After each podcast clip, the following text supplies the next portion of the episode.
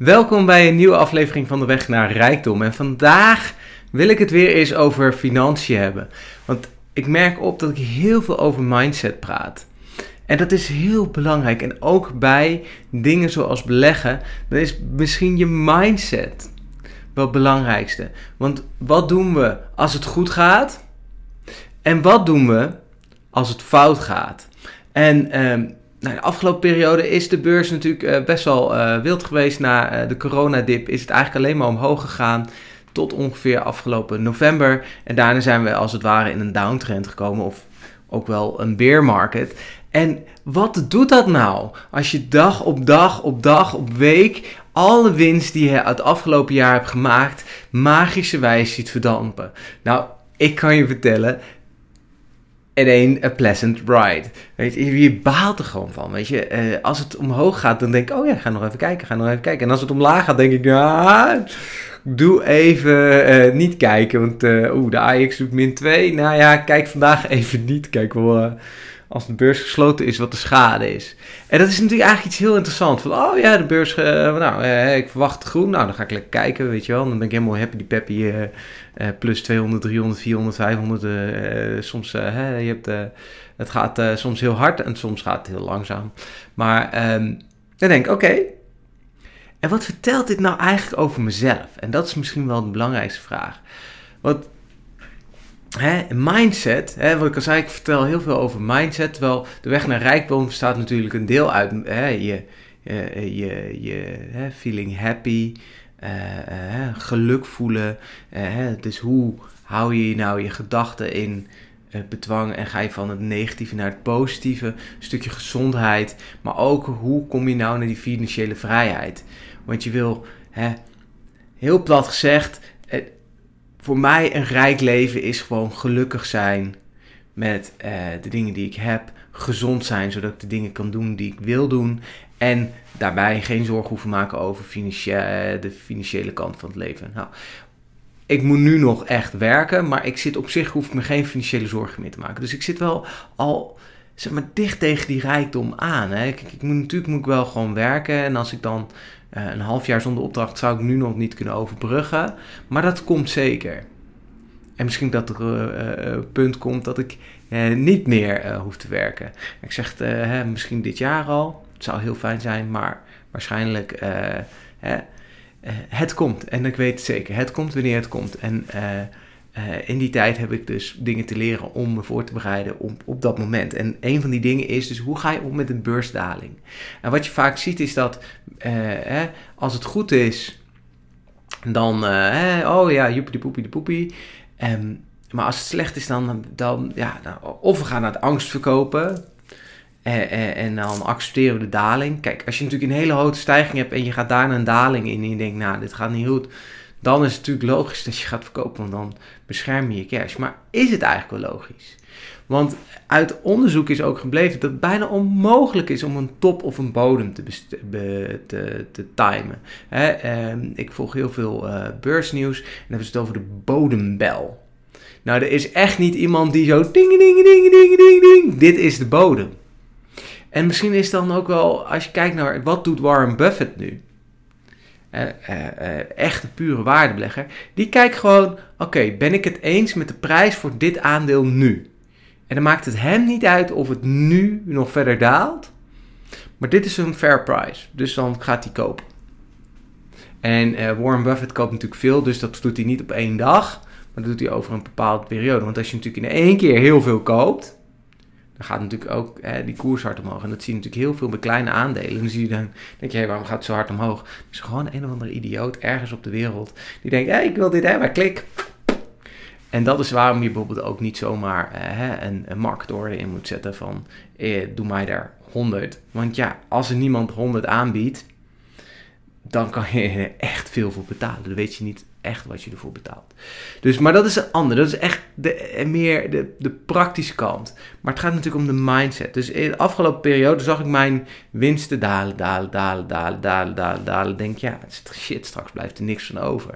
Ga ik in het rood? Nou, dat is, punt is niet gekomen, maar ik zat er wel even te knijpen. En dat is een mooi moment om te reflecteren. Wat gebeurde met mezelf? Dus ik ging kijken, oké, wat voor aandelen zou ik willen verkopen? Oh, en wat ik heel erg merkte is, ik heb een paar My Darlings, hè, die wil ik liever niet verkopen. Die doen het op zich ook gewoon nu weer best wel goed. Dus dat is ook goed dat ik niet wil kopen. En ik heb een beetje mijn, mijn, mijn pijn in mijn portefeuille en denk, ja, ik hou ze maar vast. Want ik geloof op zich ergens wel in dit bedrijf. Alleen ja, nu is de tijd niet.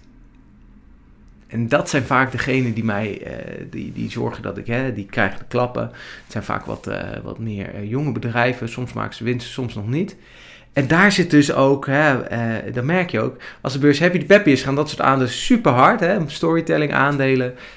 goed voorbeeld is natuurlijk ook Tesla, wat nog steeds skyrocket hoog staat als je naar de waardering kijkt. Maar is het nou een car company, dan zou je dus zeven verkeer de verwachte winst uh, betalen. Nou, volgens mij zitten we, nou, ik heb niet, gekeken, dus ik uh, even uit mijn hoofd voor het laatste uh, zat nog boven de 100. Dus dat zou betekenen dus, dat, even plat, van 100 naar 97, of naar 7, daar gaat er heel veel van af. Daar kan er nog echt heel veel van af. Maar sommigen zeggen, ja, het is een tech company en het is een growth company. Ja, bijvoorbeeld voorbeeld op de Nederlandse beurs heb je ook Agen. En die staat ook gewoon 100 keer. Maar wat doet die? Die halen elke keer gigantische winstgroeien. En als je natuurlijk gigantische winstgroei op winstgroei op winstgroei op winstgroei op winstgroei, dan uh, verdampt natuurlijk ook die hoge waardering. En dat zijn, ja, dat is natuurlijk waar, daar betaal je nu een premium voor, voor dat je eigenlijk misschien goedkoop op de eerste rij zit. Maar ja, iedereen zoekt naar de volgende Tesla. Iedereen zoekt naar de volgende Amazon. En eigenlijk zijn het vaak de bedrijven niet waar je het verwacht. want Tesla, een paar jaar terug, wou niemand dat aandeel. Ja, eh, Elon stapte in, maar niemand wou dat aandeel hebben. En het was een hartstikke uh, volatiel. En op een gegeven moment ging het. En werd het opgepakt. En dat is ook wel een beetje die emotie. Hè, van ja, durf je te blijven zitten? Durf je te gaan staan waarvoor je staat? Weet je waarom je iets koopt? Of heb je gewoon maar iets gekocht omdat je denkt: oké, prima. Uh, dit ziet er wel leuk uit. En dat is denk ik ook het grote verschil met beleggen. Kijk, uh, als je zegt, ja, maar ik, ik wil me helemaal niet... Ik nou agent, waar heb je het over? Ben nou process, wat de fuck is dat? Ja, dan moet je niet geen losse aandelen gaan kopen. Je moet niet iets kopen wat je niet, niet kent, snap je? Je moet wel ongeveer snappen wat ze doen. Anders, ja, waar, wat, wat koop je dan? Een mooi verhaal. Een idee. Nou, dus ehm, de, de emotie op de beurs is heel belangrijk. Wat doe je nou als je de beurs daalt? En ik merkte dat ik heel erg de behoefte kreeg om toch eens goed te gaan kijken, wat, wat wil ik doen? Dus ik heb ook besloten om even rustig aan te doen, even goed te kijken en gewoon kijken, oké, wat zijn nou aandelen die ik wel echt heel graag zou willen? En daar zet ik dan een orde in.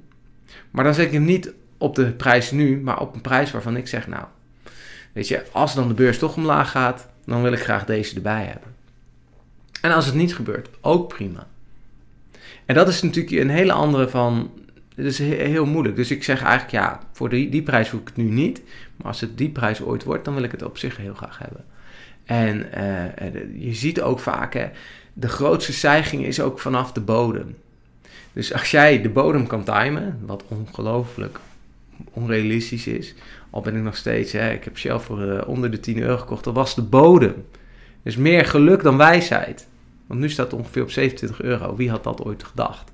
Toen we uh, met z'n allen thuis zaten en uh, de olietankers voor de, voor de havens lagen vol met, met olie. Terwijl nu de prijs skyrocket high is. Dat bedenk je niet. Dat kan je niet bedenken. Maar toch gebeurt het. En, en dat is denk ik ook het belangrijkste. Kies bewust wat je doet. En uh, nog even een leuke. Um, ik had laatst over mijn belegging en mijn zusje was er en zei: Heb jij aandelen Shell? Bijna boos. En toen zei ik ja, want Shell heeft een hele hoge, uh, eigenlijk best wel groen bedrijf. Want ik zeg maar, natuurlijk halen ze uh, fossiele brandstoffen uit de grond. En, um, en dan zie je weer Milieudefensie in Londen vastgetaped aan de bankjes. Denk jongens, doe even normaal. Maar als je dan kijkt, zij investeren gigantisch veel in groene energie. En je kan wel zeggen, ja, en dat is denk ik het hypocrietste. Dan zit je Shell te bashen, maar Shell verkoopt het dan aan een andere partij. Eh, terwijl Shell dan nog een soort van gevoel voor de, natuur heeft. Verkoopt het dan weer aan een andere partij, eh, omdat ze dan groener willen worden. Eh, om daarna eh, te merken dat de vervuiling eigenlijk netto omhoog is gegaan. Dus uiteindelijk kunnen we beter Shell ontarmen, om het dan maar zo te zeggen. Even reclame voor Shell, nou, maakt niet uit. En zeggen, nou Shell, uh, heel tof, investeer vooral in het vernieuwen. En, en niet zozeer bashen op dingen. En je hebt gewoon een ESG-rating, al wordt er wel een beetje dubieus gedaan waarom... Nou, er was een of andere index. Er zat Shell niet in, maar S&B offshore wel. Ja, weet je, wat, wat is nou groen? En zeg maar, bedrijf Unilever is ook niet groen. Een bedrijf als Tesla, holy crap, nee. Die produceren, dat zijn fabrieken, weet je wel. Dat kan gewoon niet groen zijn. Die, de productie van een elektrische auto is vervuilender dan de productie van een, een, een benzineauto. Dus dan gaat het echt op de verhouding, hoeveel rij je met zo'n crane? Maar goed, dat is een heel ander verhaal. Want ja, dat is denk ik ook voor heel veel mensen moeilijk om te zien. Dus uh, dat is ook een stukje emotie. Dus weet je waar je over praat of praat je anderen na?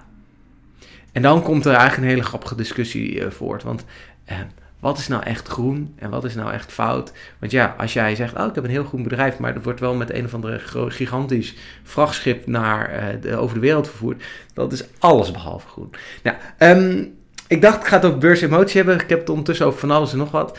Um, wat ik bij mezelf dus merkte, is dat ik heel erg moeite heb met die dalingen. En dat is gewoon interessant. Dat is gewoon feedback aan jezelf. Wat gebeurt er dan? Want eigenlijk wil je alleen maar die groene, groene koersen zien. En dan moet je natuurlijk realistisch zijn. En soms uh, uh, gaat het omhoog, soms gaat het laag. En dat is ook een beetje de, de trend. En ik merk dat mijn comfortzone um, gewoon is om niet te kijken als het rood is. Maar ik weet ook, en dat is ook gewoon leren, hè, als je op de beurs belegt, hè, dus echt, dat is met alles. Blijf je volhouden of geef je op? En dan komen we terug op mindset. Blijf je volhouden of geef je op? Dus hou jij het vol, ook al ga je hard onderuit. En natuurlijk moet je af en toe acteren. Tuurlijk, want als je weet, uh, dit gaat hard onderuit, zeg maar als iets hard onderuit gaat, kun je beter het schip tijdig verlaten en je winst pakken dan blijven zitten en nog harder onderuit gaan. Want vaak waar brand hè, waar rook is, is vuur. En dat weten ze op de beurs ook. En, uh, er zijn genoeg uh, voorbeelden, recent nog Wirecard. Dat ging omlaag en omlaag en toen kwam die fraude en er is nu niks meer van over. en dan zit ik af en toe op forum, zie ik weer iemand heel blij, happy die peppy, Wirecard. En dan denk ik, ja, waarschijnlijk zit ze ergens op de bodem. Of niet. Want zelfs als iets ooit 100 euro was en nu 10 cent. Die 10 cent kan nog steeds lager. En dat is denk ik het, vind ik het mooie aan de beurs. Is geen definitie van laag. En dat is ook met bitcoin, weet je. Die zit nu te etteren op die 30.000 uh, eh, dollar. Dat is een soort grens. Er is iemand die vindt dat de bitcoin niet onder 30.000 dollar... Die zegt, nou, 30.000 dollar koop ik. Maar zodra zo, de, die mensen stoppen met kopen... Wat gebeurt er dan? Het kan naar nul en dat kan naar een miljoen. En dat is denk ik de illusie. Alleen ik beleg niet in bitcoin omdat er zit niks achter. Er is geen bedrijf wat winst maakt. Het is een, een idee. En ideeën kunnen heel veel geld waard zijn. Maar niet ieder, elk idee wat initieel lijkt geld waard te zijn, is uiteindelijk echt geld waard. Denk daar maar eens over na.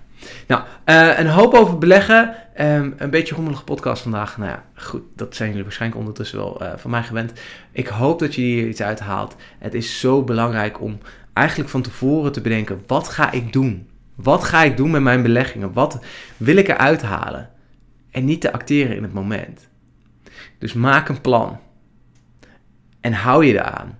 En misschien is de, de, simpelste manier, als je zegt, ja, maar ik heb helemaal geen zin en tijd om overal in te lezen. Koop gewoon elke maand ETF's of whatever, run your game. Koop elke maand. Dan koop je de toppen en de, en de, en de, en de bodems. Koop je automatisch een soort van uh, over de tijd. En dan gooi je dat niet gewoon in één keer hier, 50.000 euro, want dit zou wel de bodembel zijn.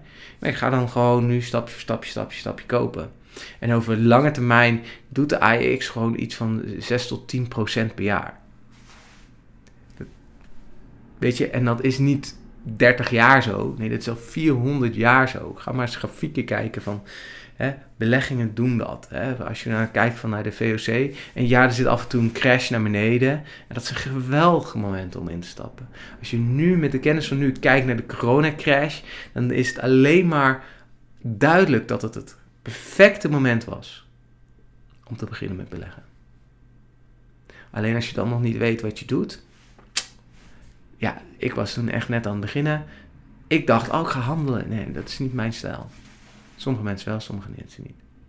En ik durf te wedden, als ik toen had geweten wat ik nu had geweten, had ik echt duizenden euro's verder geweest. Dus begin gewoon, als je denkt, beleggen is iets, ik wil mijn rijkdom laten groeien. Zoek iets waar je in wil beleggen. Hè. Beleggen is niet alleen maar aandelen. Je kan huizen, crypto, whatever. Runs your game. Je kan ook investeren in gewoon start-ups en dat soort dingen. Er zijn hartstikke duizenden mogelijkheden. Maar zoek gewoon iets waar jij denkt, yes, hier krijg ik passie van. Hier, heb ik, hier vertrouw ik in. Dit vind ik mooi. En ga daarmee aan de slag. En verdiep je erin. Ik verdiep me elke dag lees ik het beursnieuws. Gewoon omdat ik het interessant vind. En omdat ik het gewone nieuws, ja, laat maar zitten. Busongeluk in Mexico. Who cares? Ja, super erg. Maar wat moet ik ermee hier in Nederland dat er in Mexico een busongeluk is? Nou, dat is denk ik misschien wel het mooiste uh, afsluiter uh, die er is. Uh, dankjewel voor het luisteren. Um, heb je vragen, wil je meer inspiratie? Check dan even de link hieronder. Je kan me gewoon een bericht sturen op uh, Instagram. ben gewoon bereikbaar. en tot de volgende keer.